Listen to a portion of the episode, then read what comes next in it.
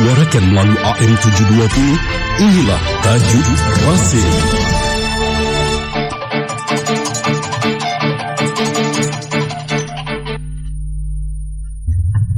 Tajuk Radio Silaturahim edisi Jumat 29 Jumadil Awal 1444 Hijriah 23 Desember 2022 Hamka tentang toleransi beragama Artikel republika.co.id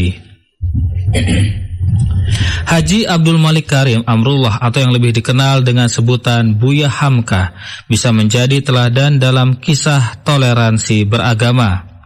Dalam rubrik khasnya dari hati ke hati di majalah Panji Masyarakat, Hamka banyak memberikan catatan seputar kerukunan antar umat beragama di Indonesia. Salah satu peristiwa yang mendapat catatan serius darinya adalah Pengalaman Kiai Haji SS Jam'an, seorang ulama Jakarta yang ditangkap aparat karena tuduhan telah menyebarkan propaganda anti Pancasila. Kisahnya bermula saat Kiai Zam'an memimpin pengajian dengan mengupas tafsir surat Al-Kahfi ayat keempat dan kelima yang menyebutkan ancaman neraka bagi orang-orang yang berkata bahwa Allah mempunyai anak. Tidak berapa lama setelah pengajian usai, rumahnya dikepung oleh segenap pemuda Kristen. Seorang pendeta berkunjung, kemudian mereka pun berdialog. Kiai Jam'an bersikeras bahwa memang yang disampaikannya itu adalah hal pokok dalam ajaran Islam. Dialog yang tenang dan diakhiri dengan bersalam-salaman itu kemudian justru berlanjut dengan pemanggilan sang kiai ke kantor polisi. Dalam kasus serupa lainnya, Hamka pun menceritakan tentang pengaduan seorang mubalik yang menjelaskan makna surah Al-Ikhlas dalam sebuah perayaan Maulid Nabi Muhammad Sallallahu Alaihi Wasallam di sebuah SMA di Tanjung Priok. Karena ada bagian dalam surah itu yang memastikan bahwa Allah tidak beranak dan tidak pula diperanakan. Maka guru-guru Kristen di sekolah itu protes dan keberatan dengan penyampaian tablik akbar tersebut. Pada 30 November 1967, pemerintah RI menggagas diadakannya musyawarah antar agama dalam musyawarah itu, para pemuka agama-agama yang diakui secara resmi di Indonesia hadir. Pemerintah sendiri telah menyampaikan dua poin usulan kepada forum musyawarah tersebut. Pertama, agar dibentuk sebuah badan kontak antar agama. Kedua, agar diadakan suatu piagam yang ditandatangani bersama yang menyatakan bahwa pemeluk suatu agama jangan dijadikan sasaran propaganda oleh agama yang lain. Poin usulan pertama telah diterima secara bulat. Hanya saja, usulan yang kedua justru ditolak mentah-mentah. Tambunan sarjana hukum yang beragama Kristen menyampaikan pendirian umat Kristiani bahwa Menyebarkan perkabaran Injil kepada orang yang belum Kristen adalah titah ilahi yang wajib dijunjung tinggi. Pendapat ini mendapat sanggahan tegas dari Muhammad Natsir yang menekankan bahwa jika pendirian semacam itu hendak dipertahankan, maka kekacauan akan timbul dan negara kesatuan Republik Indonesia akan terpecah belah.